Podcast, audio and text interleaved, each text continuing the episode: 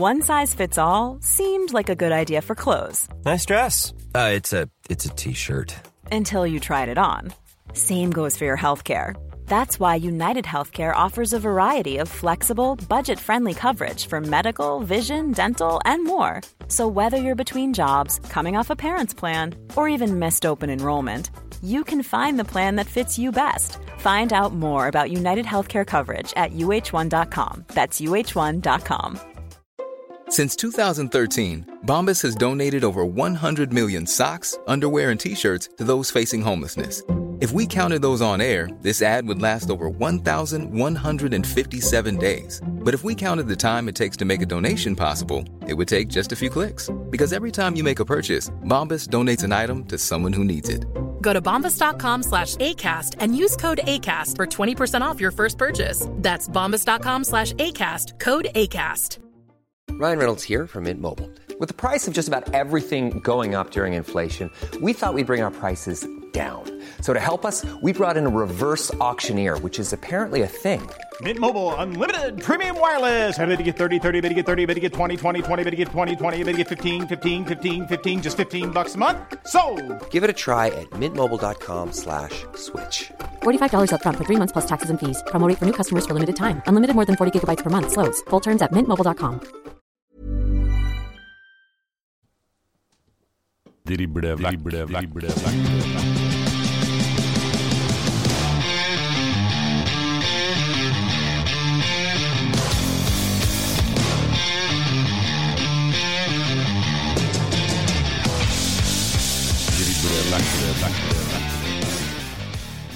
Hjertelig velkommen til Driblevekk. Vi skal i gang med en ny episode vi, av denne Obos-liga-podkasten. Og så skal vi snakke litt eliteserie i dag òg, vet du. Og det blir stas. Mitt navn det er Erik Arnøy, og ved min side som alltid vår fotballekspert Dag Alexander Gamst. Hei, Dag. Hallo, hallo. Se deg igjen. Takk, det samme. Yes. Halleluja! Fotball-Norge, altså. Det leverer. Fotball eh, leverer, og norsk fotball leverer så til de grader. Det som ikke skulle skje, skjedde. Et Vålerenga-lag som har full kontroll på Kristiansund på Nordmøre og vinner fortjent 2-0. Returmatch på Valle i går søndag.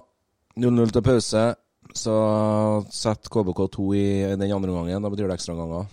Og eh, det hele går til straffesparkkonkurranse. Kaptein eh, Borchgrevink bommer for Vålerenga mot at KBK setter sine alle fem, og Kristoffer Aasbakk da, som blir helten av sammen med Mbaye i KBK-byrået. Det betyr at Kristiansund er tilbake i Eliteserien etter en forferdelig start i Obos-ligaen det her året, og Vålerenga har rykka ned til Obos-ligaen. Det betyr at det er Lyn mot Vålerenga neste sesong i Obos-ligaen. Det er helt vilt. Og når vi trodde at det ikke kunne bli mer spenning i årets eh, Obos-liga slash eliteserie, så, så, ble det levert noe så til de grader altså i går, med, med en fantastisk spennende match. 120 minutter og ti straffere. Nyamik i nettet. Ja, ja, nei, det, det oppsummerer det bra, Arnøy. og det er et KBK-lag som ikke har tapt borte under Amund Shiri. Det er et Vålerenga-lag som kunne ha vunnet to hjemmekamper i Eliteserien uh, i år. Uh, så har det jo vært litt, spøka litt, men det har vært litt sånn annethvert år i denne playoffen av eliteserielagene som har blitt igjen i Eliteserien, eller at Obos-laget som har tatt over plassen. I år så var det muligheten for Obos-ligalaget skulle si, å, være tilbake. Og KBK de tok eh, vare på muligheten, og det er rett og slett imponerende arbeid Amund Shiri og KBK har gjort her. Rett og slett eh, ta av seg hatten, bøye seg i støvet og det som er. Gratulerer. Absolutt. De skal jo ikke opp til Eliteserien alene. Eh, KBK de eh, slår følge med, med Koffa, og da ikke minst eh, årets mest suverene lag i Obos-ligaen, nemlig Fredrikstad. Og i den forbindelse så har vi fått med oss en gjest her i dag som, som er Fredrikstad til sin hals. Hjertelig velkommen til oss, Dag Solheim. Jo, takk, takk for det. Veldig hyggelig å få lov å være med. Yes, vi må jo si gratulerer med, med opprykk. Takk, eh, takk, skal du ha. Det er jo noe vi har venta på ganske lenge nå. og det er eh, noe kanskje en del av oss eh, trodde at vi skulle vente enda lenger på. For å si det sånn, for det har jo ikke sett så veldig bra ut de siste åra. Men 2023 er et godt år hvor det har skjedd mye i klubben. og Hvor det da blir krona med sportslig suksess og, og en etter hvert suveren suveren seier i, seier i Obos-ligaen. Så det har vært, det har vært gøy. Du sier det jo, elleve års ventetid er over. Hvor godt føles det egentlig? Nei, det er, det er nesten sånn at det er eh, litt ubeskrivelig. for at um, Vi hadde jo denne forferdelige perioden fra vi rykka ned i 1984 til vi rykka opp under egen i 2003. Og, eh, da var det også sånn at en ikke hadde tenkt at ja, eh, spill på øverste nivå kommer jeg aldri til å oppleve. Og det begynte å snike seg inn litt sånn nå at uh, for oss som begynner å bli litt godt voksne tenkte at ja, har vi kanskje opplevd vår siste sesong i toppen av norsk fotball. Men så er det jo akkurat som dere sier nå innledningsvis her i forhold til uh, Kristiansund og fascinasjonen med fotball, så, så snur jo ting ganske, ganske fort på, på, godt og vondt. da. Uh, Vålerenga er jo et bevis på det, på det motsatte. men, men og Det er jo det som gjør fotball til den fantastiske idretten her. At uh, Girona kan uh, toppe i, i, Spania og Koffa kan rykke opp til Eliteserien. Altså, det, er, uh, det er jo ingen andre idretter nesten hvor sånne ting er mulig. Og Det, det gir fotballen en, en helt særstilling blant folk over hele verden. At det er, det er lov å reise fra Kristiansund eller mm. dra på Intility til holde med KBK og tenke at 0-2, vi kan snu det vi Og så gjør du det. For det er, i fotball går sånn da. Nei, det er deilig. Det er ikke noe rart vi er glad i den sporten. vet du. Nei, Et utrolig bra salgsargument du legger inn der, eh, Dag, for dem som eventuelt er litt i tvil om de skal bruke litt mer tid på fotball eller ikke. Det, det er bare å spille av den strofa der. Nydelig.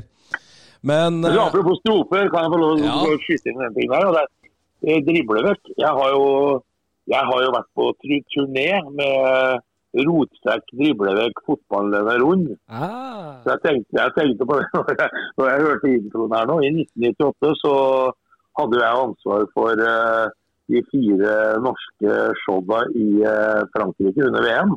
Ja. Og der hadde jeg jo med Åge Aleksandersen og Sambandet. Så da dro vi rundt med rotsekk, driblevekk. Så det var en liten sånn avsporing til at uh, den har vært med på VM-sluttspillet, faktisk. Og det er jo ikke så mange nordmenn som har vært. Helt fantastisk. Det, det, det, det, er vel flere som har vært med i form av driblevekk i VM-sluttspill for Norge, enn det som har vært med ball. Ja, det er, det er, nesten, det er nesten sånn. Det ser ut som at vi må vente fortsatt enda lengre tid for at vi eventuelt får blande oss i et mesterskap. Dessverre. Ja, man venter lenger på det enn på opprykk i Fredrikstad. Vi venter dobbelt så lenge og vel så det, da, Dag? ja, det er det, vet du. Men eh, før vi snakker litt med Fredrikstad, eh, vi må fortsette litt på, på Vålerenga. Eh, vi er inne på det. Leder 0-2 fra oppgjøret på Nordmøre. Og så skjer det som veldig mange trodde ikke skulle eh, skje. Eh, hva tenker du om, eh, om det, det, vi opplevde i går dag, med, med at det er Vålerenga som må spille Obos-ligaen neste år? Nei, det, altså jeg må jo si at jeg var imponert over dem i den uh, kampen mot Kristiansund. Jeg syntes de var gode. Uh, og så ut som de liksom hadde uh, innsett alvoret og, og, skulle bevise at det å være et eliteserielag er et knepp over å være nummer fire i, i, Obos.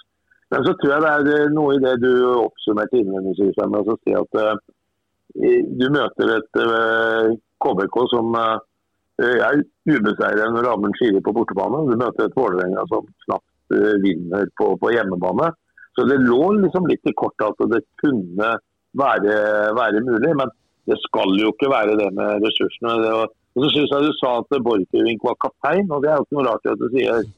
For han kapteinen har vi jo ikke sett. Nei, ikke det.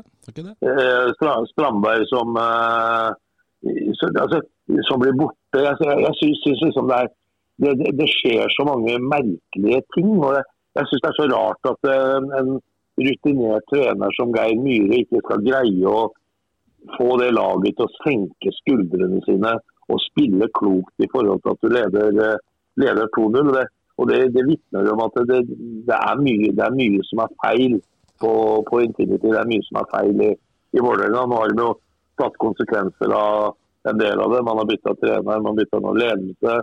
Så man se om man er tøffe nok til å ta alle de, de litt eh, vanskelige avgjørelsene som må tas for at eh, man skal snu det. uten automatikk i, eh, selv om eh, lag som Brann og Viking og Bodø-Glimt og Lillestrøm og sånn har vært nede og snudd, så har vi også eksempler på f.eks. et Start som ikke greier å komme seg tilbake igjen. Eh, Så det er ikke noe automatikk i at man eh, fra å ha vært så dårlige eh, resultatmessig som Vålerenga har vært i år, at man rykker ned i Obos-ligaen og begynner plutselig å, å vinne masse, masse fotballkamper. Så det er, en, det er en jobb som skal, skal gjøres. og det er, eh, det er eh, mye mer eh, som er feil i Vålerenga enn bare at laget ikke presterer bra nok på banen. Jeg vet jeg er helt enig med deg at det er mye som er, er galt nede på Intility. Vi snakker litt om Stefan Strandberg her. Nå har den peptalken før matchen i går. Det lyser svart ut av øynene hans. Kommer de dårlig i gang mot KBK i går. Ber keeper Sjøeng bare å legge seg ned for å ta en ny peptalk. Og så så skjer det her i tillegg. Han må gi fra seg kapteinspinnene. Han får ikke muligheten til å ta straffespark, og så bare går han ut fra stadion og ikke sier et pip til enhver og en journalist. Borchgrevink har baller, for å si det rett ut, stiller opp etter den største nedturen i hans fotballkarriere ever. Sånn kan vi rett og slett ikke ha det om man skal, skal spille i, i Vålerenga fotball, er min mening. Nei, nei det, det, det går ikke an. Og, det, og, jeg, og, jeg, og jeg, er jo glad for at, eh, at det da er en sånn person som Borchgrevink som, som virkelig viser at han har de ballene og, står der rakrygga. Og, for, for du, du kan ikke gjemme deg. Det er lov å være skuffa.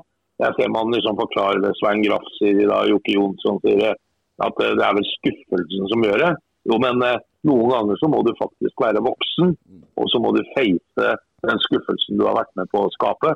Såpass ansvar har du overfor klubben din, overfor supporterne dine og overfor eh, for dette produktet som er et, er et TV-produkt. at det, Da må du faktisk kunne stå der og stille og svare på spørsmål. Og, og for at du har fått negativ kritikk eh, i forhold til eh, opptredenen din på landslaget og mener at det er urettferdig, så kan du ikke gjemme deg bort. Det, det, det syns jeg er veldig, veldig merkelig. Men, eh, men det er mer enn det som er eh, merkelig, og det er kanskje bare et eksempel på at ikke alle ting er som, uh, som det skal. Og så lot man seg kanskje lure litt at uh, vi henter Geir Bakke, dette her kommer til å gå bra, da tar vi nok poeng og så kan vi begynne å, å se framover og jobbe litt, uh, jobbe litt på, på sikt. Og så glemte man kanskje den jobben som måtte gjøres hver eneste dag også gjennom, gjennom. Så man har nok latt seg lure litt. Og så er nok i motsetning til andre lag som slåss med nebb og klør nede, sånn type i Sandefjord og sånn, som, som vet at det er bare knallhard jobbing som teller, så er det litt sånn vi er for gode til å rykke ned. vet du. Vålerenga er for stor klubb til å rykke ned. Men ingen er det. Da lurer Selv om man ikke selv, altså, sier det høyt. Ja. Og man gjør, og man gjør, jeg tror noen ganger så gjør man det. Jeg tror man, tror man innimellom så lurer man seg sjøl. Det, Uten at det er bevisst. Jeg tror ikke sitte i garderoben og snakker høyt om det. Men innerst inne så liksom ligger det en sånn Nei, dette ordner seg. Og så, og så var det jo ikke så verst eh, eh, de, de par siste kampene. peker jo pila i litt riktig retning. Og så, og så glemmer du at du fortsatt kanskje må ut og jobbe 100, 110 og KBK er jo et sånt eksempel på at eh, du kommer litt uten press. Eh, du, har, du har absolutt ingenting å tape. Du har bare alt å vinne, og så, så vinner du det. Men eh, nei, det er, eh, man kan analysere seg opp og ned, men at mye er feil, det er det i hvert fall ingen tvil om. det er det, men det er en klubb det ikke har vært noe mye feil i år, Dag, det er Fredrikstad. Eh, suveren seriemester. Eh, du har fulgt klubben tett i mange mange år, og du har fulgt dem tett i, i år òg. Hvordan vil du oppsummere eh, Obos-ligasesongen med, med Fredrikstad? Nei, eh, Man må egentlig skru klokka bitte litt tilbake. for at eh, Etter at vi rykka ned i 2012, så spilte vi jo kvalik året etter. Men etter det så har det gått bare én vei med også flere sesonger i Post Nord. og Klubben har egentlig vært drevet litt av, som i alle klubber, så mener jo de som leder klubben mener at de til enhver tid eh, altså til enhver tid så gjør alle som er i en klubb det de mener er riktig. Det er ingen som går på jobb og sier at de da skal finne på en masse dritt så dette går dårlig. Alle gjør det de mener er riktig, men det betyr ikke at det er det. Og vi har mangla kunnskap. Det skjedde litt da Per Mathias kom inn. Da begynte en liten snugreie, men, men da gikk man i den fella med eh, Da var det kontinuitet eh, når man var i Post Nord som skulle skape suksess på sikt. Det var to ting man jobba med. Kontinuitet, og så skulle man bygge klubb. Så man hadde et klubbfundament som var godt nok den dagen man gikk opp til å holde seg i Eliteserien. Men ingen snakka om det laget man skulle bygge ut på banen. Jeg har ikke hørt om noen som bygger klubb og så rekker opp hånda og sier ja, nå er vi klare, vi nå. Nå kan vi rykke opp. Eh, og eh, Sånn jobba man. Veldig mange av de spillerne som var i Post Nord, fikk langtidskontrakter. Mange hadde treårskontrakter. Det var nesten ikke mulig å gjøre endringer i stallen. Treneren Bjørn Bummen Johansen fikk langtidskontrakt. Og så skjønner man jo at noe er feil. Så dukker den muligheten opp at Espen Engebretsen gir seg i Sarpsborg 08. Espen har jo spilte jo hele fotballkarrieren sin i Fredrikstad, er sarping, men ble norgesmester i 84 og var jo var i klubben i ti år. Og har eh, vært med å bygge opp eh, Sarpsborg 08 til å bli en solid eh, eliteserieklubb med erfaring i Europa, cupfinaler, medaljer i serien osv. Og, så videre, og vet litt hva som skal til. Han kom inn og snudde alt på hodet over natta. Og Det var kun én ting det var fokus på. Det var det laget ute på banen. Det var ikke damefotball eller rekruttering eller akademier eller utvikling. Det var først laget ute på banen, og så fikk alt annet komme i annen rekke. Det trodde Michael Thomassen på mm. når han uh, satt på Klaksvik og egentlig har et, uh, vært med å lagd et fotballunder. At her var det en person som tenkte riktig og visste hva som skulle til for å kunne ta de stegene som man måtte ta for å kunne være med og slåss om uh, et opprykk. Det var det som snudde alt. Det var motstand i klubben, det vet jeg mot for man hadde, sa man, daglig leder. Joakim Eier, som var daglig leder og sportssjef. Eh, jeg var en av dem som sa at eh, de som jobba med det, som var eksterne, at dere må ikke gi dere på det. For Espen Engebretsen mener jeg er i moderne tid det beste som har skjedd i FFK siden, uh, siden Knut Orberg Eggen kom inn, kom inn døra. For at han har kunnskapen. Og da har ledelsen i klubben vært voksne nok til å forstå at det han står for, den erfaringa han har, den har de retta seg etter Rosamann. Istedenfor å holde på med langsiktighet, klubbbygging. I fjor man skulle til og med ha et mellomår. Har du hørt om noen som går ut og sier vi skal ha et mellomår før sesongen starter? Sier til publikum kom igjen neste år, da, eller? Jeg har hørt om frivillig liksom, semester nesten, men ikke noe annet. Ja, ja. Og så, og så har man altså da har man altså da snudd det. Øka treningsmengden enormt trenerne, eller spillerne fikk arbeidsdag fra åtte til fire. Eh, de var tvunget til å gå hjem til lunsj. Alle, eh, alle, måtte være der, jobbe fulle dager, rett og slett for å se hvem er det som tåler det og bestilt sånne krav til. Og I tillegg så, så dobler man, eh, man treningsøktene. Det har gjort at man har luka bort noen som kanskje ikke var villige til å ofre så mye, som har fått inn spillere som har vært villige til det og så er snillismen borte. Eh, det er spillere nå som har vært der i, i ti sesonger, som har jobba for å komme seg opp i Eliteserien. Og når man har rykka opp, får beskjed om at sorry, du er ikke god nok til å være med videre. Og, så, så det, er, det, er, de to personene der som har, eh, har snudd det. Og så gjorde Michael Thomassen en ting. Han så alle FMK sine kamper i fjor, mm. og så at her var det et lag som slapp inn altfor mye mål. Mm. Eh, man hadde nesten eh, to baklengsesnitt. Så FMK i starten av sesongen, første del av sesongen var jo ultradefensive. Man skulle bare tette igjen bakover, slapp nesten ikke inn mål og vant mye kamper med, med, med ett mål og en del, del uavgjort. Og Så har gradvis det offensive spillet kommet. Så det er, det, er en, det er, en, kombinasjon av kunnskap og det og evnen til å sette den kunnskapen ut i praksis som har gjort at man vinner eh, Obos-ligaen på den måten man har gjort det i 2020. Det er jo veldig interessant det du sier her i dag, det råder det ingen tvil om. Eh, kan du si litt om, har du noen rolle i klubben, rundt klubben? Eh, når ble du kjent Nei, med har... FFK tok kontakt med Michael f.eks.? Nei, eh, det, det, har jeg ikke. Jeg, jeg hjelper klubben med, med, arrangementer og har, har faste trenerintervjuer og gjester og sånn på alle i restaurantdelen på alle, alle hjemmekamper. Så det er, det er, egentlig den eneste rolla jeg har i til at jeg sitter i historiekomiteen. Og det er vi gode på Fredrikstad med historie. Der er, vi, der er vi nesten best i Norge, altså. Det, og det er vel noen som har sagt at vi kanskje har levd på i den historien. Men nei, eh, jeg, så vidt jeg vet så er det vel litt via Kjetil Knutsen at uh, den dialogen kom i gang med, med Michael. De kjenner hverandre, men Michael har gjort eh, en del av, av trenerkursene sine i Norge. Og, eh, og ble sterkt anbefalt av eh, Bodø-Glimt-treneren. Så, så det var nok en eh, kombinasjon der av, av si, det de var blitt anbefalt, og, og Espen Engelbrektsens eh, visjoner om hvordan man skulle bli et, bli et topplag. og da som gjorde at man kom i dialog med Michael, og han var, var interessert. Og Det er jo det man liksom spør seg nå i Fredrikstad, er jo hvor lenge får man beholde en, eh, beholde en sånn trener. For at det er, er et uh, trenertalent uh, litt utenom det vanlige. Det, det er ingen som helst tvil om. Og syv år i Klaksvik med å bygge, bygge en uh, liten klubb på Færøyene til, å- Mm. til å bli en klubb som uh, faktisk hevder seg i Europa, er jo, er jo sensasjonelt.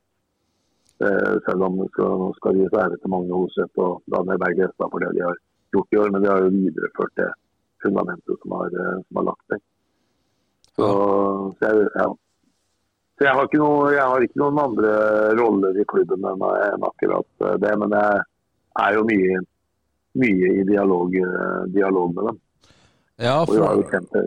For det er jo et litt punkt vi har òg satt opp her, eh, hvor mye klubben bruker deg eh, som sparringspartner i forbindelse med avgjørelser, tanker de har, og eventuelt eh, hva er det de bruker deg til? For at du, du har jo fulgt denne klubben i mange, mange år, og ja, du har jo levd tett inn i Fotball-Norge i, i samme periode, i Dag. Ja da, en har jo det. Men det, for, for å si det sånn, da, så var jo altså Jeg vokste opp Jeg hadde en far som tok meg med da jeg var fem-seks år på, på Fredrikstad stadion når vi var best i landet. og Hans historier så trodde jeg at vi var verdens beste fotballag. Eh, og det håper vi var ikke verdens beste, men det dominerte jo voldsomt. og så Jeg fikk jo den fotballen veldig tidlig, og den kjærligheten til klubben kom eh, når jeg var veldig liten. Og har alltid hatt et tett forhold til klubben, men jeg har jo jobba jo mye der fram til 2017, hvor, jeg, hvor vi rykka ned til Post Nord. Og da var jeg kanskje litt vel kritisk til å ha en stilling i klubben. Og det ble vel oppfatta som litt illojalt. At eh, jeg var bare redd for en ting, at det rykka ned. Og, og da ble det for så vidt et brudd med klubben. Jeg har vært der hele tiden etterpå, men ikke hatt noen roller før, eh, før eh, Espen Engebretsen dukka opp. Og det var også en av de tingene han sa. Jeg blåser i hva folk mener eller hva folk har gjort før. Eh, Fredrikstad fotballklubb er eid av Fredrikstad by. Vi som styrer den, vi bare låner den. Og hvis ikke vi har med oss alle eh, gode krefter, hvis vi ikke har med oss alle i byen, så har vi ikke sjans.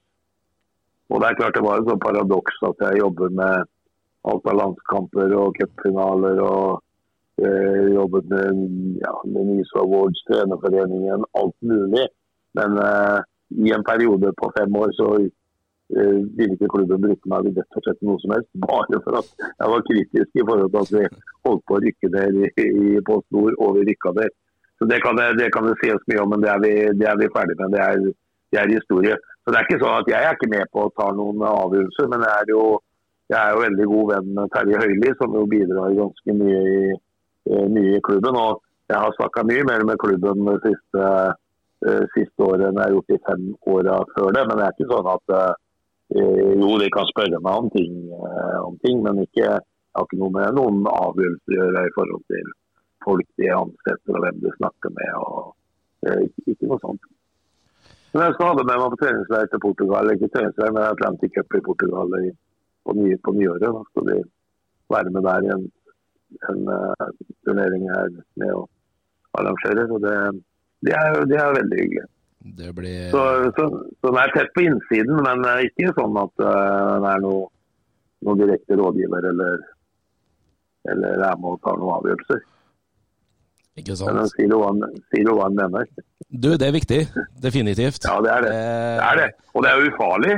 Absolutt. Kjedelig å sitte rolig i båten. Ja, ja. Jeg, vi har jo opplevd eh, Vi har jo hatt en klubb hvor eh, jeg legendene våre dør ut. Eh, For at det er så lenge siden eh, si, lenge siden de spilte.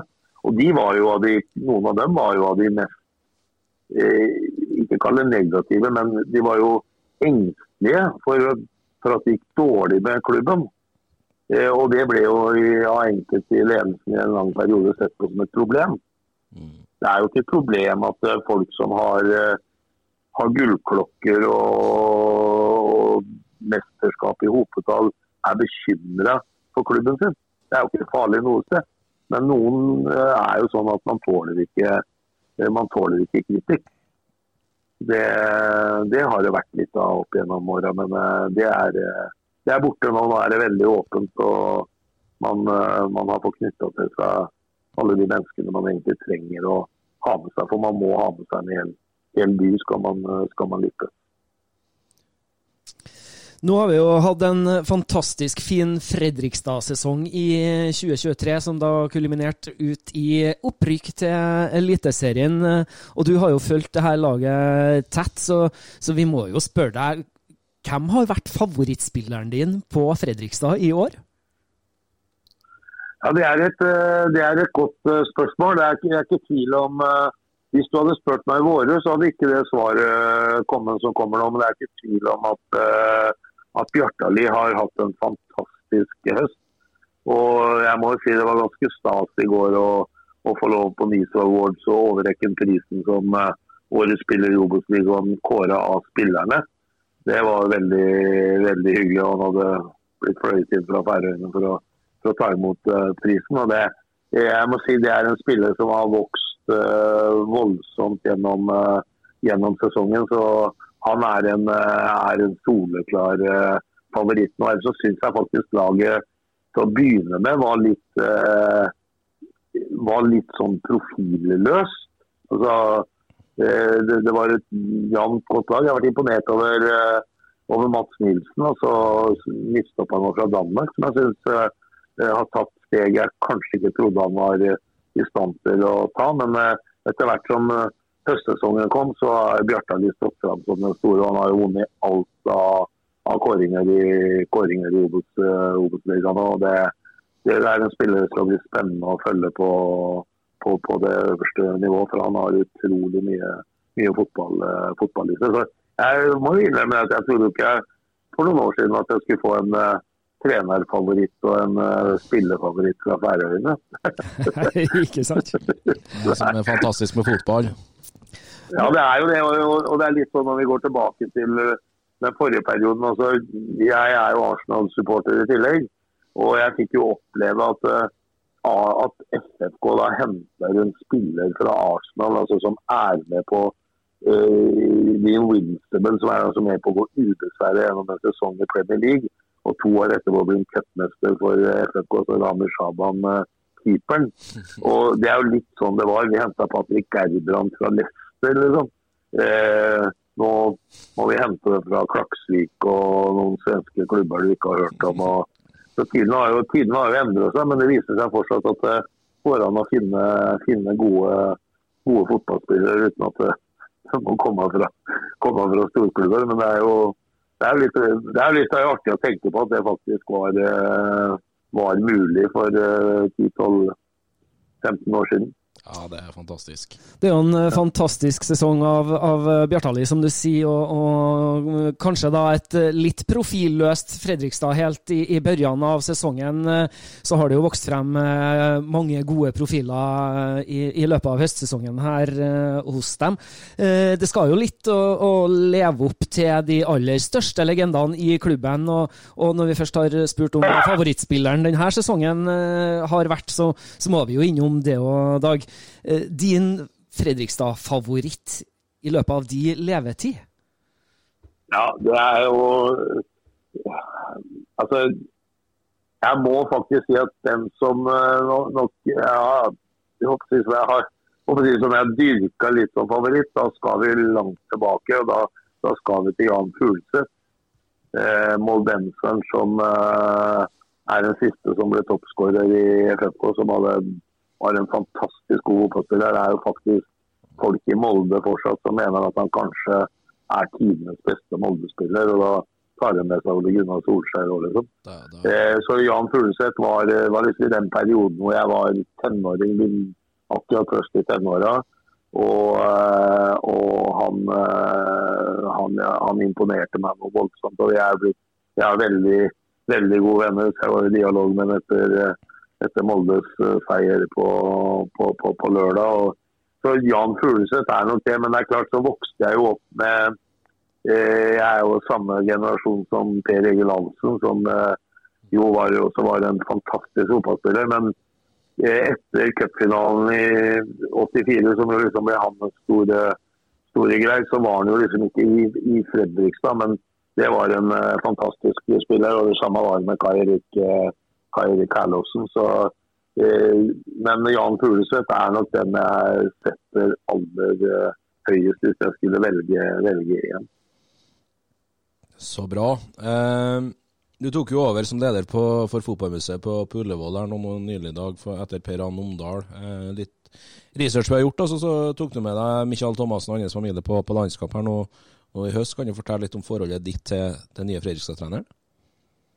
Ja, det må jeg si at det er blitt veldig, veldig godt. Michael er en fantastisk, eh, fantastisk person. Veldig reflektert og veldig dedikert. Han er, eh, han er veldig sånn detaljfrik. Han er veldig opptatt av detaljer. Men han er veldig inkluderende. Eh, stiller liksom opp på det meste og er, er en smart fyr. Altså Sitte og prate med han når han forteller at eh, familien tok seg fri nesten et år for å reise jorda rundt liksom, for at de skulle oppleve, oppleve ting, eh, ting, sammen. Alle steder i verden de har bodd, eh, hvordan han tenker. altså Han er utdanna politimann. Eh, hvordan han tenker i forhold til mennesker og relasjoner. Snakka mye med ham at vi hadde en Håvard Aasheim som var den jeg nevnte, som har vært med i så mange år, og som nå fikk beskjed om at ikke han fikk være med videre og kunne snakke med henne om hvordan, hvor vanskelig det er å, å sitte ansikt til ansikt og fortelle en spiller eh, som har én drøm i livet sitt, det er å spille eliteseriefotball med FFK, mm. at det får du ikke lov til. Eh, samtidig som at eh, han forteller hvordan den profesjonelle treneren din eh, liksom greier på en måte å balansere følelsen, da, men hvor vondt det gjør allikevel. Eh, vi hadde jo en, eh, Jeg sto også bak en eh, FK-gudstjeneste i, i Domkirken i Fredrikstad, hvor jo Michael var veldig, veldig delaktig. Og, eh, så det er en person du kan snakke med om alt. og jeg må si, jeg akkurat nå, Før vi begynte nå, så gjorde jeg at jeg er redaktør for, eh, for noe som heter Stjerneskuddet, magasin til Stjernen hockey. og Nå snakker jeg akkurat med, med, med den svenske treneren til Stjernen. og for første gang så, så snakker altså treneren i Stjernen og FFK sammen. For at Michael er nysgjerrig, og det samme er han Fredda i Stjernen. Jeg har sagt i alle år hvorfor det finnes eh, de siste tre elitelag og et damelag i håndball òg, eh, med, med topp, eh, topp trenere. Eh, noen fra det, fra det, aller høyeste nivået, liksom. Men vi snakker ikke sammen. Og Det er også typisk for Michael at når Fredda inviterer til det, så treffes de andre og, og, diskuterer eh, sine erfaringer med, med toppidrett i, eh, i, i, Fredrikstad. Og Det sier ganske mye om, mye om personen. Du merker det på guttene hans, på kona, på alt. At det, her, er en, her, er en, her er det hel ved. Det er en fantastisk, fantastisk flott som også reflekterer over andre ting enn fotball, selv om det han lever og ånder det nesten, nesten hele, hele døgnet. Vi skal snakke litt mer om idretten i eh, Fredrikstad vi rett etter det her. One size fits all seemed like a good idea for clothes. Nice dress. Uh, it's a t-shirt. Until you tried it on. Same goes for your healthcare. That's why United Healthcare offers a variety of flexible, budget friendly coverage for medical, vision, dental, and more. So, whether you're between jobs, coming off a parent's plan, or even missed open enrollment, you can find the plan that fits you best. Find out more about United Healthcare coverage at uh1.com. That's uh1.com.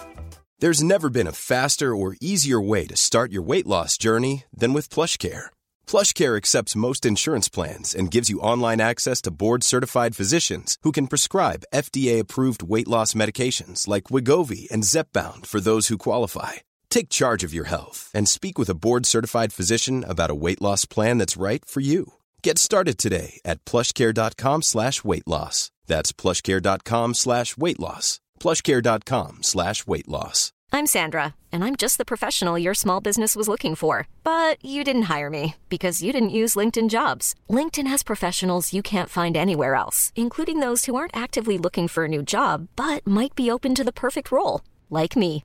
In a given month, over 70% of LinkedIn users don't visit other leading job sites. So if you're not looking on LinkedIn, you'll miss out on great candidates like Sandra. Start hiring professionals like a professional. Post your free job on linkedin.com/achieve slash achieve today.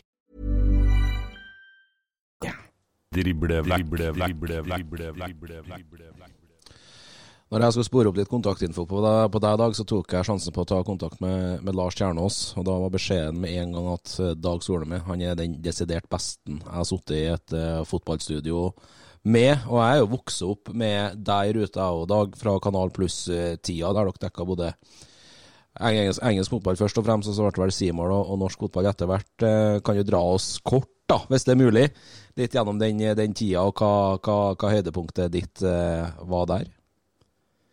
Ja, Der var det jo, var jo flere, flere, høydepunkter. Men det er klart jeg sa jo her for en stund tilbake at jeg er jo Arsenal-supporter. og vi, jeg, jeg ble egentlig spurt om av selskapet Arve Juritzen om å lage en pitch for hvordan jeg mente studiosendinger rundt Premier League burde se ut. Og Kanal Pluss hadde bestemt seg å komme i gang med det. og så så lagde jeg den, og så vant de da den pitchen. Og så sier de du har ikke lyst til å være programleder. Det hadde ikke jeg tenkt på. Jeg skulle bare lage, lage konseptet. Så sånn, sånn havna jeg inn i det. Og da, da, bestemte jeg meg veldig fort for uh, at uh, Og det var noe som lå i den pitchen. Altså, Hovedmålet med det var å ta med folk inn på innsiden. Altså at du skulle ha folk som Når du så sendinga, så skulle du føle på en måte at Eh, du skulle ta eh, kampen inn i studio og studio inn i kampen. Og gjennom det at du som satt hjemme følte at du skulle komme mer på innsiden. Derfor var Erik Torstvedt den første jeg henta. Eh, som da nesten akkurat hadde lagt opp og vært med på alt. Lars Kjernås mm. kommer veldig raskt inn. Akkurat kommet hjem fra Wimbledon. For det jeg hadde savna når jeg ser på fotball, og som jeg noen ganger savner i dag òg, er at de som sitter og skal formidle det, at de formidler det for at de har opplevd det. De har vært med på det. Eh, jeg husker Brede Hangeland sa til en annen i TV 2-studio en gang at eh, har du spilt ofte på Anfield? Ja, de vet jo det, sa vedkommende, at det har jeg jo ikke. Men det høres jo sånn som at du har spilt der hver uke. Og Det er litt sånn der, det var liksom litt uten noe kritikk av det, men det var litt av filosofien. At du skulle få oppleve mennesker som var så langt på innsiden av fotball som de kunne komme. Og Derfor var det ikke bare, det ikke bare Lars eh, Kjernås. Altså i, den, I den tida der, de, de, som var eksperter hos oss, var jo det var Ronny Johnsen, det var Henning Berg, det var Ståle Solbakken, det var Halvard Thoresen. Og så var det en genial ting som kom i stand for at Kenneth Fredheim kjente velkommen, det var Brian King. Ja. Og Brian King, eh, som jeg er god venn med da, han sørga for at jeg ble kjent med ganske mange eh, engelske fotballpersonligheter, eh, spillere og managere, som gjorde at vi kunne krydre sendingene på en litt annen måte. Vi var den første som gjorde det. Tok med dem inn i, i studio. Så, og vi tok med supporterne. I de ti åra jeg var i Kanal Pluss, så tror jeg eh, jeg hadde rundt 2000 supportere innom studio. Eh, ikke for å formidle det, ikke for at vi skulle være eksperter, men supportere er eksperter på én ting følelser. Og en ekspert kan ikke formidle følelser. Eh, hvis ikke det går direkte på at det er klubben din og du har spilt der. Men det kan supporteren. Eh, der dukka det opp en i studio, en Manchester United-supporter med sørgedin. Og så husker jeg bare han sa er det noen som er død? nei, sånn, vi, nei, nei, det er ikke det. Sånn, men vi tapte i Europa midt i uka, liksom. så, så, og Det savner jeg faktisk litt i dag. At det blir veldig mye eksperter, veldig mye analyser. og kanskje litt lite, lite følelser. Det er veldig så, gode refleksjoner du gjør der, og veldig gode poeng du kommer med. og Det er vel kanskje en av nøklene til at det her ble så stor suksess som det også ble? Ja, det er jo hyggelig at du sier det. og Jeg møter jo faktisk folk ukentlig som, som, sier det at de savner den måten å, å lage TV på. Og så var det, var det også mye mer innslag eh, Øyvind Alsaker og Kenneth var flinke på, og jeg overtok det litt etter hvert, å dra til England og lage innslag rundt fotballen. Eh, Ikke nødvendigvis bare med spillere og managere, men eh, det kunne liksom være alt fra årets pub til hvor treffes supporterne, eh, spesielle, spesielle supportere, spesielle hendelser. Alt fra, det var jo alt fra overtro til, til eh, blodige fans, liksom. Så jeg, jeg, jeg savner litt det at eh, man er enda mer inne i det som er rundt fotballen, og ikke bare analysere hvorfor den pasningen gikk feil, eller eh, hva man burde gjort for å unngå det, unngå det målet. Eller eh, mindre diskutere om dommere gjør feil eller ikke. Det er vel ingen studioer ennå som har greid å rette opp eh, at dommeren gjør om noe han har gjort. Så, så, men det var, det var litt av filosofien. At de som skulle være i studio, de skulle være der med, med erfaring eh, fra fotball på det, på det høyeste nivå. Det er jo ikke noe tvil om at fotballen hadde ikke vært stort uten alle de her fantastiske supporterne. Hva syns du om den oppblomstringa av supporterkultur som har kommet nå sånn pre-covid? Jeg syns, jo det er helt fantastisk, bortsett fra at det er, det er en ting jeg ikke skjønner, som, er, eh, som har hundrevis av kamper i England. Det er jo sikkert 500-600 kamper. Jeg skjønner jo ikke at fotball blir bedre med bluss. Men det er en diskusjon for, noen andre å ta. og Jeg skjønner at eh, en oppvoksende generasjon syns at det er eh, spennende. Men jeg må jo si at i, i Norge eller først, først og fremst, Jeg var med faktisk og starta forløperen til eh, supporterunionen for britisk fotball, som jo er den største organisasjonen i Norge på samling av supportere.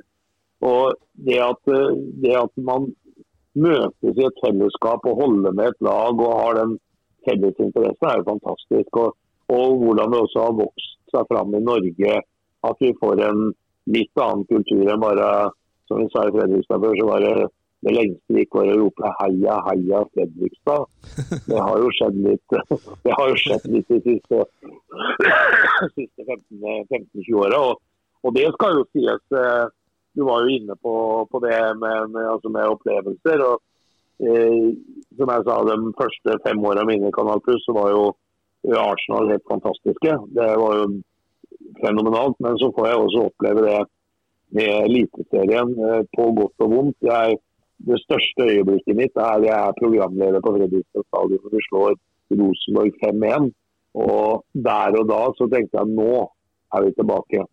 Og så er jeg også programleder i Kristiansand når uh, Dagfinn Emily brekker, brekker, nakken. Og vi var jo, og er jo veldig gode venner. Vi satt sammen på News Awards i går. Så det var, det var veldig, veldig, veldig spesielt. Men å se det derre uh, Få være en del av det, være tett på, på stadion og, og se hvordan, uh, hvordan, denne kulturen har utviklet seg. For Jeg kommenterte jo norsk fotball fram til og med forrige sesong. Så, så jeg har jo vært, uh, vært veldig mye rundt uh, de ti-tolv åra etter, etter Premier League. Det, er, det er imponerende. altså. Jeg, jeg, må, jeg, jeg, kjenner litt av de som holder på med TIFO i Fredrikstad. Liksom, hvor mange timer de legger ned på å vise fram et banner i noen minutter på en kamp for å liksom skape noe rundt matchen. Er, blir, jeg blir rett og slett rørt over det, det engasjementet mange som er. Det, det, det, viser at fotballen har en stor framtid, selv om man kan diskutere var og penger og arabere og hva allting er. så er Jeg tror fotballen er større enn alt det der uansett. Støttes 100 Jeg snakket litt om det sjøl her nå, Dag. men når du jobba i Seymour, Kanal Pluss, og, og dekket Fredrikstad, for å, for, å, si det sånn. Eh, hvordan, hvordan, var det for deg? Nei, det var, Jeg må si det at uh, i, ettertid så er det veldig mange som har sagt til meg når jeg, er ganske ivrig Arsenal-supporter òg, og, og, som sa det at uh, uh, nå var det en del som visste det, men man kunne aldri merke det. og det er klart jeg, jeg, jeg, kan jo ikke si det at ikke man merka eh, altså merka man visste at jeg var fra Fredrikstad. Men, men, man prøver jo å opptre profesjonelt. Men det er klart, du blir jo, du blir jo påvirka ja, når laget ditt gjør det bra, og særlig når dere hadde venta så lenge som vi hadde venta. Uh, så det er klart det det, det betyr jo litt mer enn å gå på jobb og, og dekke en kamp som ikke du har et, ikke du har et forhold til noen av lagene. Det, det gjør det jo. Definitivt. Eh, bare sånn at eh, Vi må ta det på direkten her nå, men med, med, med, klokka var det klokka syv du skulle inn i avtale, var det? Ja da, jeg men, ja, da. Så, men eh, det, gjør det vi skal. Bare for, for, det spørsmålet her, så, så, så, blir det strålende. Men eh, litt om eh, si, din sivile jobb her òg, da. Eh, daglig leder for Made in Fredrikstad AS, stemmer det? Hva, eventuelt hvis det stemmer, hva, hva, hva, gjør du? Ja, Der gjør jeg veldig mye fotballrelaterte ting. Eh, altså Made in Fredrikstad er et selskap hvor jeg selger mine tjenester. Jeg har alltid, jeg har aldri vært ansatt uh, noe større siden jeg var musikkinstrumentmaker og var 20 år. Så eh, hele yrkeslivet mitt så har jeg, har jeg drevet for meg sjøl og, og, leid meg ut gjennom, uh, gjennom selskapet, mitt. Så, det, så, nå driver jeg med Jeg har uh, som sagt en fast avtale med NFF i forhold til, til landskamper. Jeg jobba for et selskap i London i forbindelse med jeg er medieansvarlig i Atlantic Cup i Portugal og har vært det i fem år i Dubai International Cup i tillegg. Og ja, jeg, jeg driver egentlig med alt mulig rart. På dagtid så driver jeg litt med så driver jeg med kursing for Nav og hjelper ungdom og innvandrere ut i, ut i jobb. Rett og slett for at man har et stort nettverk og har eh, kommunikasjonsevner. Og så er det mye, mye, mye underholdning, mye eventer. Jeg er jo oktoberfestgeneral. Jeg fyller jo Youngstorget hver høst med 30 000-40 000 mennesker. Og... Nei, det er, det er mye, mye, forskjellig. Har du mange timer i døgnet egentlig, du? Ja da, en 7-38. jeg, jeg skulle til å spørre, hva gjør du på fritida? på fritida har, så ser jeg Har du fritid? Fotball, fotball. Nei, eh, jeg har jo fritid, men, men det er klart eh, en har vært vant til og det er noen så kona mi sier som er 10 i 30-årene neste år. og så jeg holder jo akkurat på på samme måte som når hun traff meg. at det, det, går jo noen ganger sju dager i uka, og det kan gå 10-12-14 timer i døgnet enkelte ganger. Liksom. Men, eh, men, jeg bestemmer jo en del ting, eh, ting sjøl. Men så lenge en kan holde på med ting en syns er, eh, er, hyggelig å holde på med, og selv om en blir eldre at folk fortsatt vil, vil kjøpe tjenestene en tilbyr, så må en bare være fornøyd med det. Ja, Fantastisk å, å, høre, Dag. Eh, du har jo levd tett inn på Fotball-Norge her i, i, mange mange år. og eh, Som Erik nevnte i introen her, så er det jo Koffa blant annet, som blir med dere opp til Eliteserien. En klubb som har atskillig mindre ressurser å, å rutte med enn en dere. Hvor høyt rangerer du egentlig prestasjonen til det RKFM-laget, som rett og slett mot alle odds rykker opp til Eliteserien i år? Så det som har skjedd i Koffa over, uh, over tid, er jo helt fantastisk. Jeg, jeg har vært så heldig og fått lov å Jeg har kommentert dem en del. Mm. Og jeg er blitt godt kjent med Eivind Arnevåg, som jo egentlig var tidligere Vålerenga-spilleren, som egentlig var en av de som var med å bygde Koffa til det Koffa er i, er i dag. Og Koffa består av en god del veldig, veldig dyktige, jordnære, dedikerte mennesker.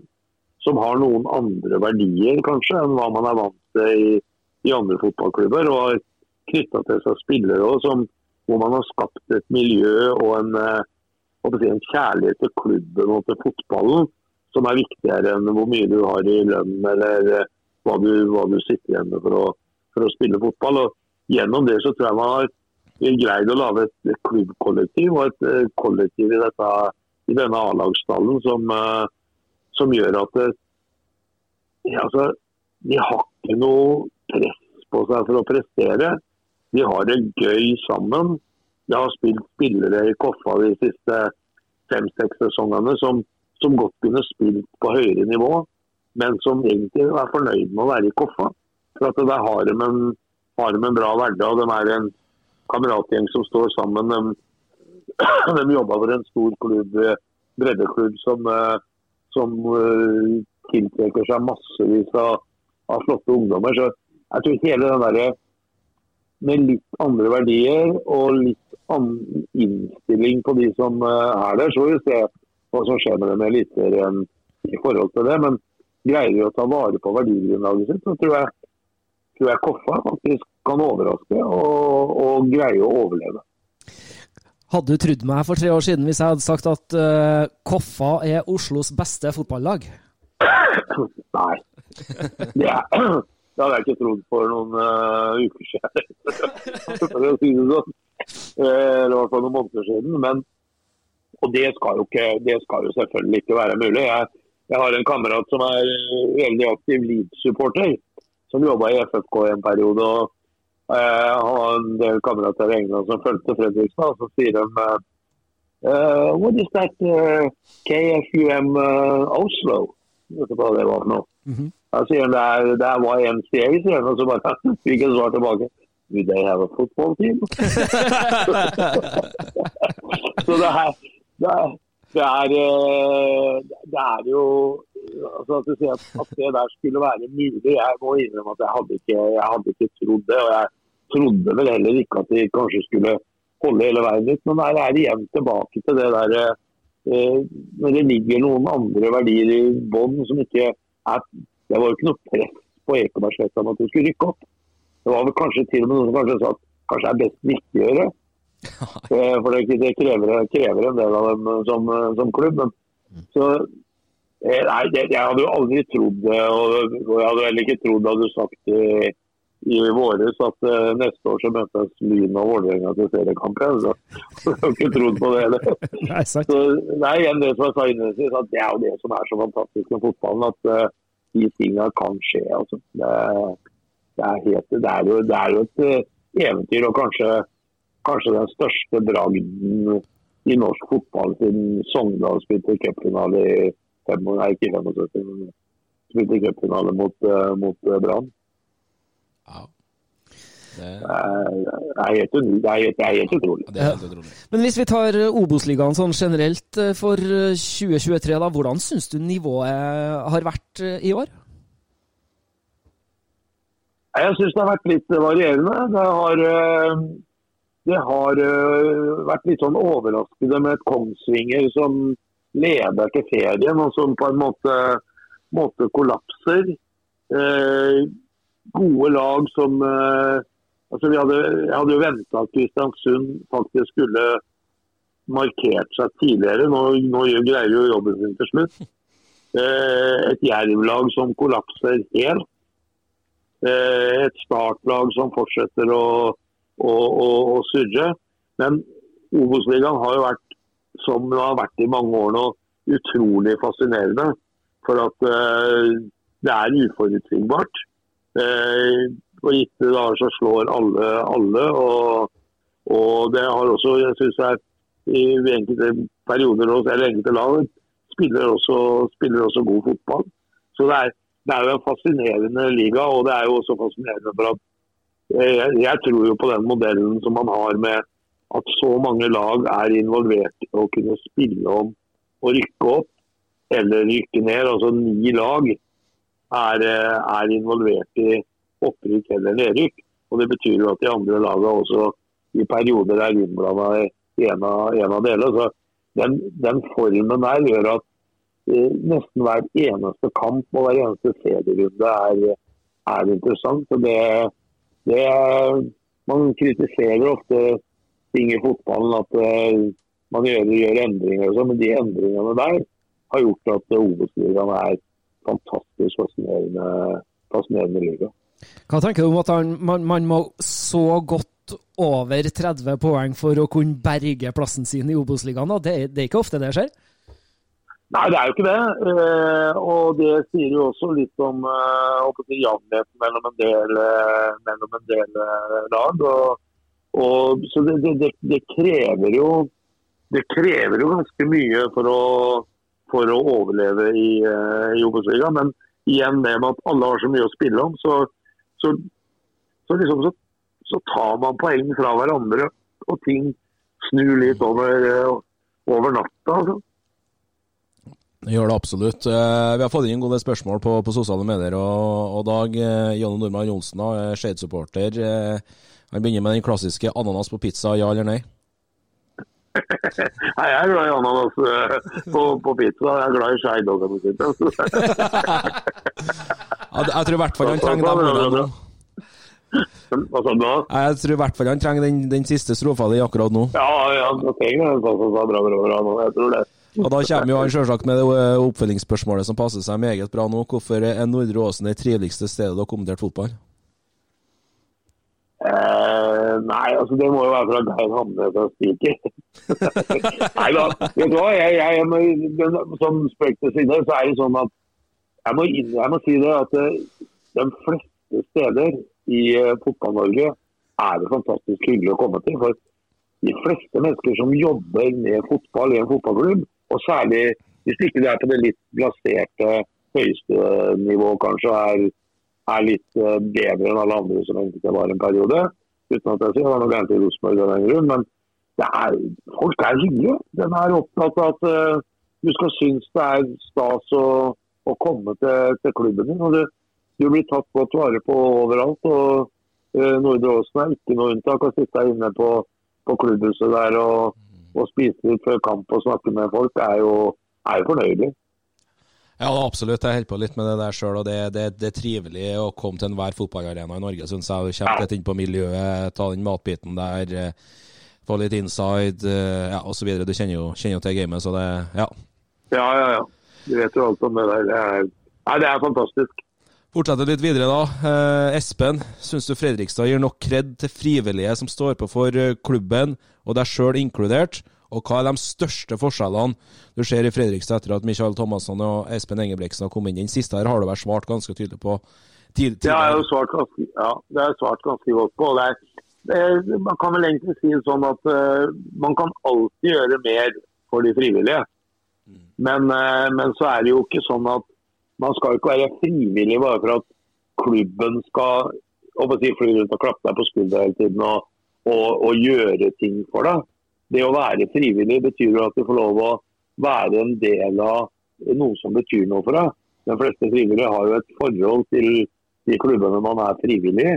Og det å være en del av den uh, organisasjonen er jo nesten en litt sånn familie. Man går ikke rundt og klapper hverandre på skuldra ja, du er en fantastisk bror og du er en ærlig mor. og og Man sier jo det innimellom. Men, men mener, så man kan alltid, helt sikkert, gi mer kred. Men Eh, det må ikke være en motivasjon alene. Det må være kjærlighet til klubben din. At du, at du stiller opp frivillig og, og, jobber for Når Jeg har lagt ned noen tusen timer siden jeg ble født i den, den klubben. og Det er jo ikke for at klubben på nødvendig skal gi meg noe tilbake, men den skal gi meg gleder, gleder på fotballbanen og gi meg stolthet for at jeg får være en del, del av det. Men det er sikkert, man kan sikkert alltid, alltid gjøre mer, men det må ikke være motivasjon alene.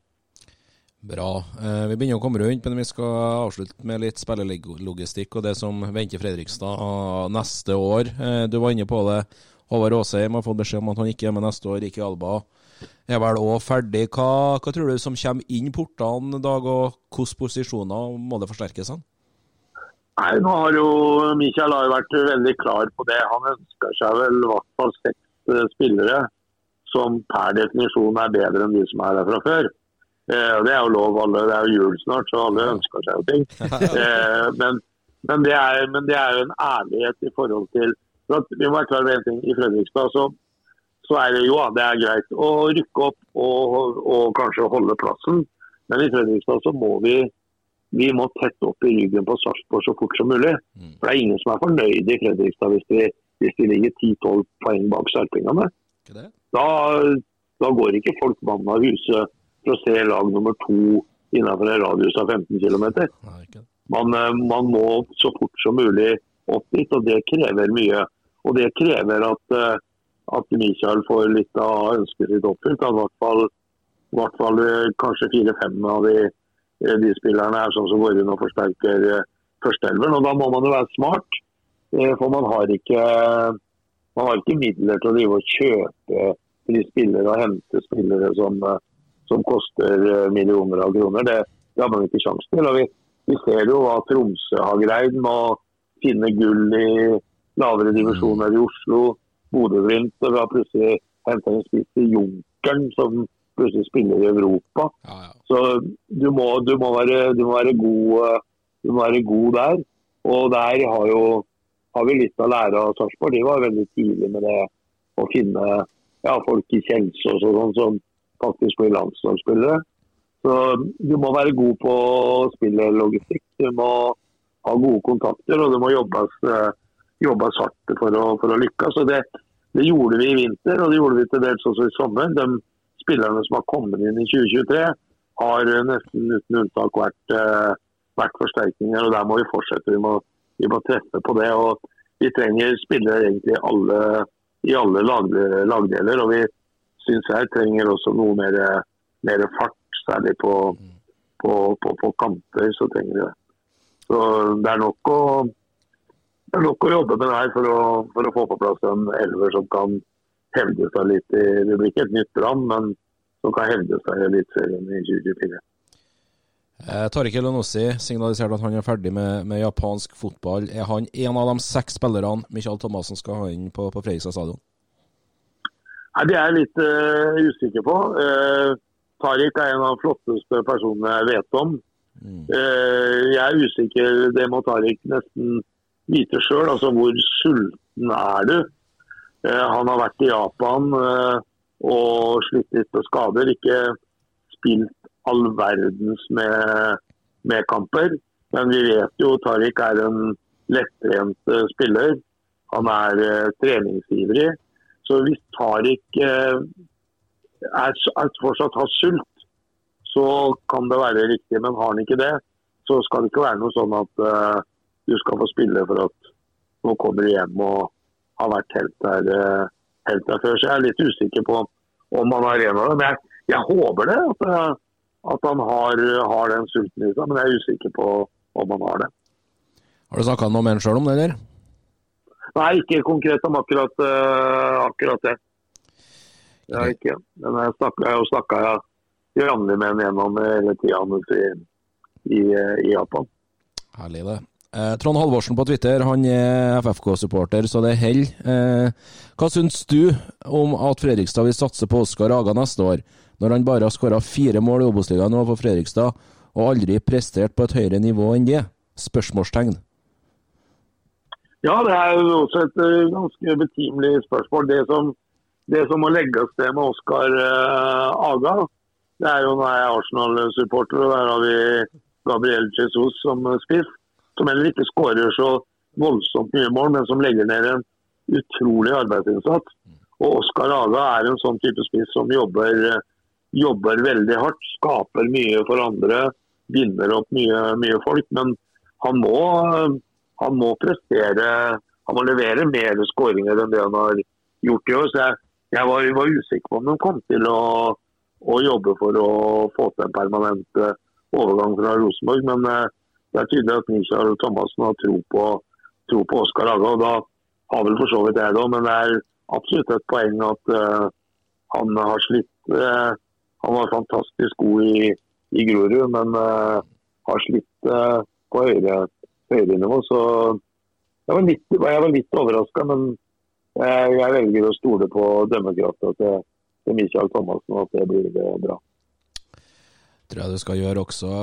Hva, ja, hvis vi skriver starten desember da, neste, neste år, hva vil en Dag Solheim være fornøyd med med et Fredrikstad-lag som har prestert i Eliteserien da? Nei, jeg tror jeg kvalifiserte oss for Champions League. Nei, jeg håper og tror at vi er et lag som uh, havner rundt midten på tabellen. altså sånn åtte til tiendeplass eller noe sånt. Men jeg håper at vi, at vi er med. At uh, ikke vi blir liggende der nede og hele tiden må se bakover på tabellen og hver match er skjebnekamp for å kapre, kapre poeng. At vi, at vi, greier å hevde oss litt. og Ta med oss den flyten vi har hatt i år. og, og at laget utvikler seg, utvikler seg videre. Så, så, jeg er fornøyd hvis ikke vi rykker ned. Selvfølgelig er jeg det. Men, eh, men, jeg både håper og tror at det er fullt mulig å, å havne midt på, midt på tabellen. Da er jeg veldig fornøyd. Og Da blir jo egentlig 1000-kronerspørsmålet her da på tampen. Dag, elleve års ventetid er over. Er Fredrikstad kommet tilbake i Eliteserien nå for, for, å bli der? Ja, det er jo sånn som alltid er vanskelig å, vanskelig å si. Vi trodde jo Jeg har jo holdt den dummeste talen i Fredrikstad fotballklubbs moderne historie. Jeg leda, Vi tok sølv i 2008 bak Stabæk. Og da leda jeg den sølvfesten. Og forrige gang FFK tok sølv, det var da helten min Jan Fugleseth var toppskårer i øverste divisjon. Tapte seriemesterskapet på målforskjell til, eh, til, Viking i 1972. Og da rykka vi ned året etter. Og jeg, da, da, sa jeg på den festen at jeg skal i hvert fall love dere én ting. Da. At det kommer ikke til å skje om igjen det som skjedde sist vi tok sølv. At vi rykker ned neste sesong. Og det gjorde vi. Og det gjorde vi. så jeg skal være forsiktig. Den beste kan gjøre feil. jeg er forsiktig med å si ting, men jeg tror jeg, i hvert fall, jeg syns jeg ser konturene av ting som gjør at, uh, at Fredrikstad kan etablere seg i, uh, i uh, Eliteserien igjen og, og, kanskje bli der, uh, bli der langt inn i, langt inn i framtida. Men Det er like mye med hjertet som med hjernen. Men det, det er i hvert fall så mye positivt som skjer, at jeg tror det er fullt, eh, fullt mulig med den kursen som er staka ut. Større under enn det du beskriver nå, har vel skjedd i norsk fotball før? Det har det. Og, og det er jo, vi ser jo uten sammenligning, for Brann var ekstremt gode i, uh, gode i fjor. Men vi ser jo hva Brann gjør. Og det er jo lag som har rykka opp og blitt mestere. Så, så alt, kan, uh, alt, kan, skje. Og det er jo ikke er ikke så lenge siden Bodø-Glimt altså Se hva Bodø-Glimt gjorde. Det var vel i Obos i 2017, og etter det så har de dominert norsk fotball.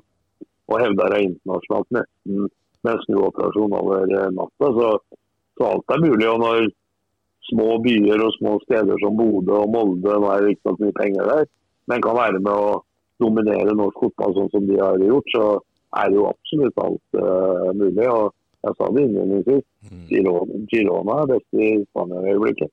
Topp fire i Eliteserien og har spilt uh, Obos-liga siden 2020. Ja, ikke sant? Mm. Nei, så, så alt er mulig. Yes, nei, men Like sikkert som at vi heter Driblevekk, så er det så sikkert som banken at fotballen, den er rund. Dag Solheim, vi sier tusen hjertelig takk for at du tok deg tid til å være med oss i dag. Vi ønsker deg og ditt kjære Fredrikstad masse lykke til med eliteseriespill 2024. Og så gjenstår det bare å si riktig god jul. Mm. Takk det samme. Takk for at jeg fikk være med. Tusen, tu tusen takk skal du ha, Dag.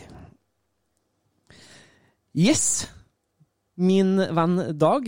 Det var en uh, annen Dag det, som hadde mye på hjertet, og som leverte uh, så det holdt uh, til oss i en time her i Driblevekk. Ja da, definitivt. Og vi har sikkert kunnet stå der til julekvelden og snakka fotball med, med, Dag Solheim, for dette her var en, en time pluss fire minutter tillegg, det, som var meget innholdsrik. og Dag har jo vært med på, på absolutt alt ut ifra den, den ramsa vi har fått nå på en time her innenfor norsk fotball, og han har jo et glødende hjerte for norsk fotball. Fredrikstad er involvert i mye, så det er ikke siste gangen vi snakker med Dag Solheim. Det er det nok eh, så absolutt ikke. Og neste gang vi eh, snakker med han, så, så får vi da satse på for både hans og Fredrikstad sin del at, at de fortsatt er eliteserieklubb. Ja da, formalitetene er egentlig lagt for det.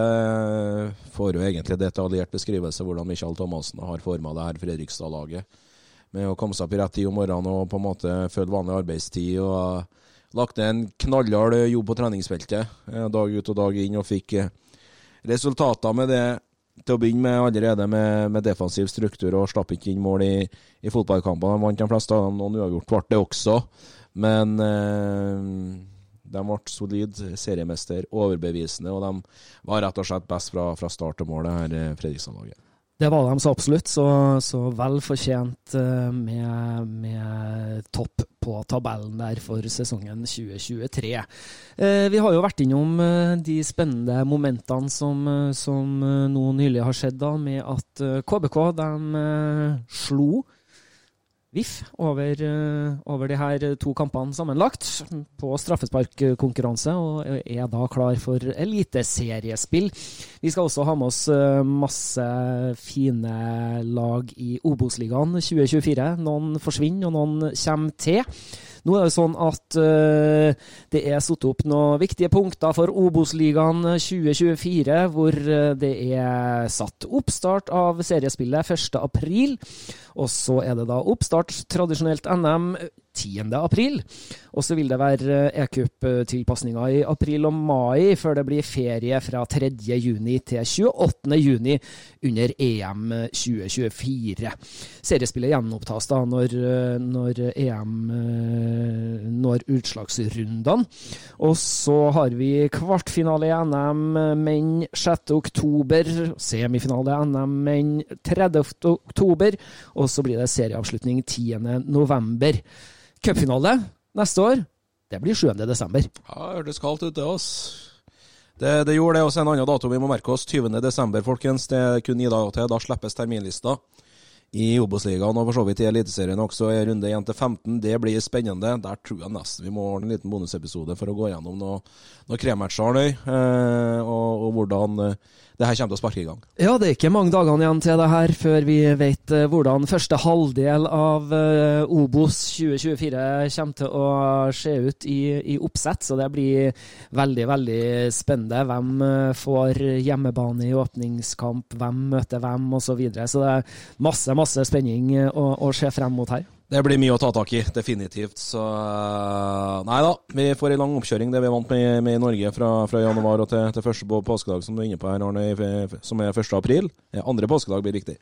Så det, det, er vi godt vant med oppi her, men vi skal, vi skal få inn bra med krydder vi òg i, i oppkjøringa. Vi, vi, skal på oppkjøring, vi òg, for å si det sånn. Det skal vi. Eh, nå er det jo ikke jul riktig ennå, selv om vi er inne i den fine for mange adventstida. Kanskje for andre ikke riktig så fin uh, periode. Så vår oppfordring her i Driblevekk det er å uh, se dere rundt, gi et smil og ta godt vare på hverandre i adventstida som vi nå er inn i. Vi skal begynne å runde av, men vi må jo selvfølgelig sende en takk til våre samarbeidspartnere Hufs og Stjørdal Autosalg. Og så må vi også oppfordre dere alle sammen til å inn og sjekke ut på Nettavisen. Der er det masse fint Obos-stoff, så, så ta dere en tur inn på nettavisen.no, og gjerne også inn på Nettavisens Obos-ligaside, som heter obosligaen.na.no. Har vi noe mer å tilføye for, for i dag, Dag? Syns det oppsummerte veldig bra. Eh, fin episode med, med fotballoraklet fra Fredrikstad. Dag eh, Solheim stålkontroll på, på alt han snakker om. Og så ja, tror jeg egentlig bare må snakkes kanskje neste uke her. Det må vi. Vi er tilbake om ei ukes tid, vi, og så gleder vi oss eh, til å ringe jula inn her i eh, Driblevekk. Vi sier takk for følget i dag. Ønsker dere ei fortsatt god fotballuke og ei riktig fin adventstid videre. Driblevekk, driblevekk, driblevekk.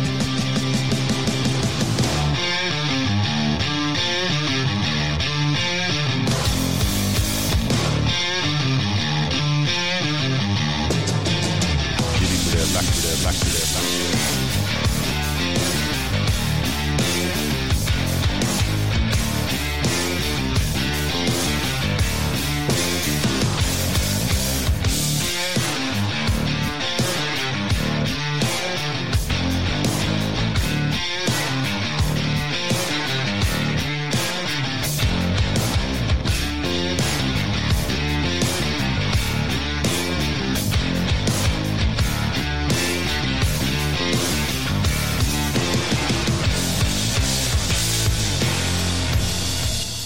black, black, black, black, black, black, black, black,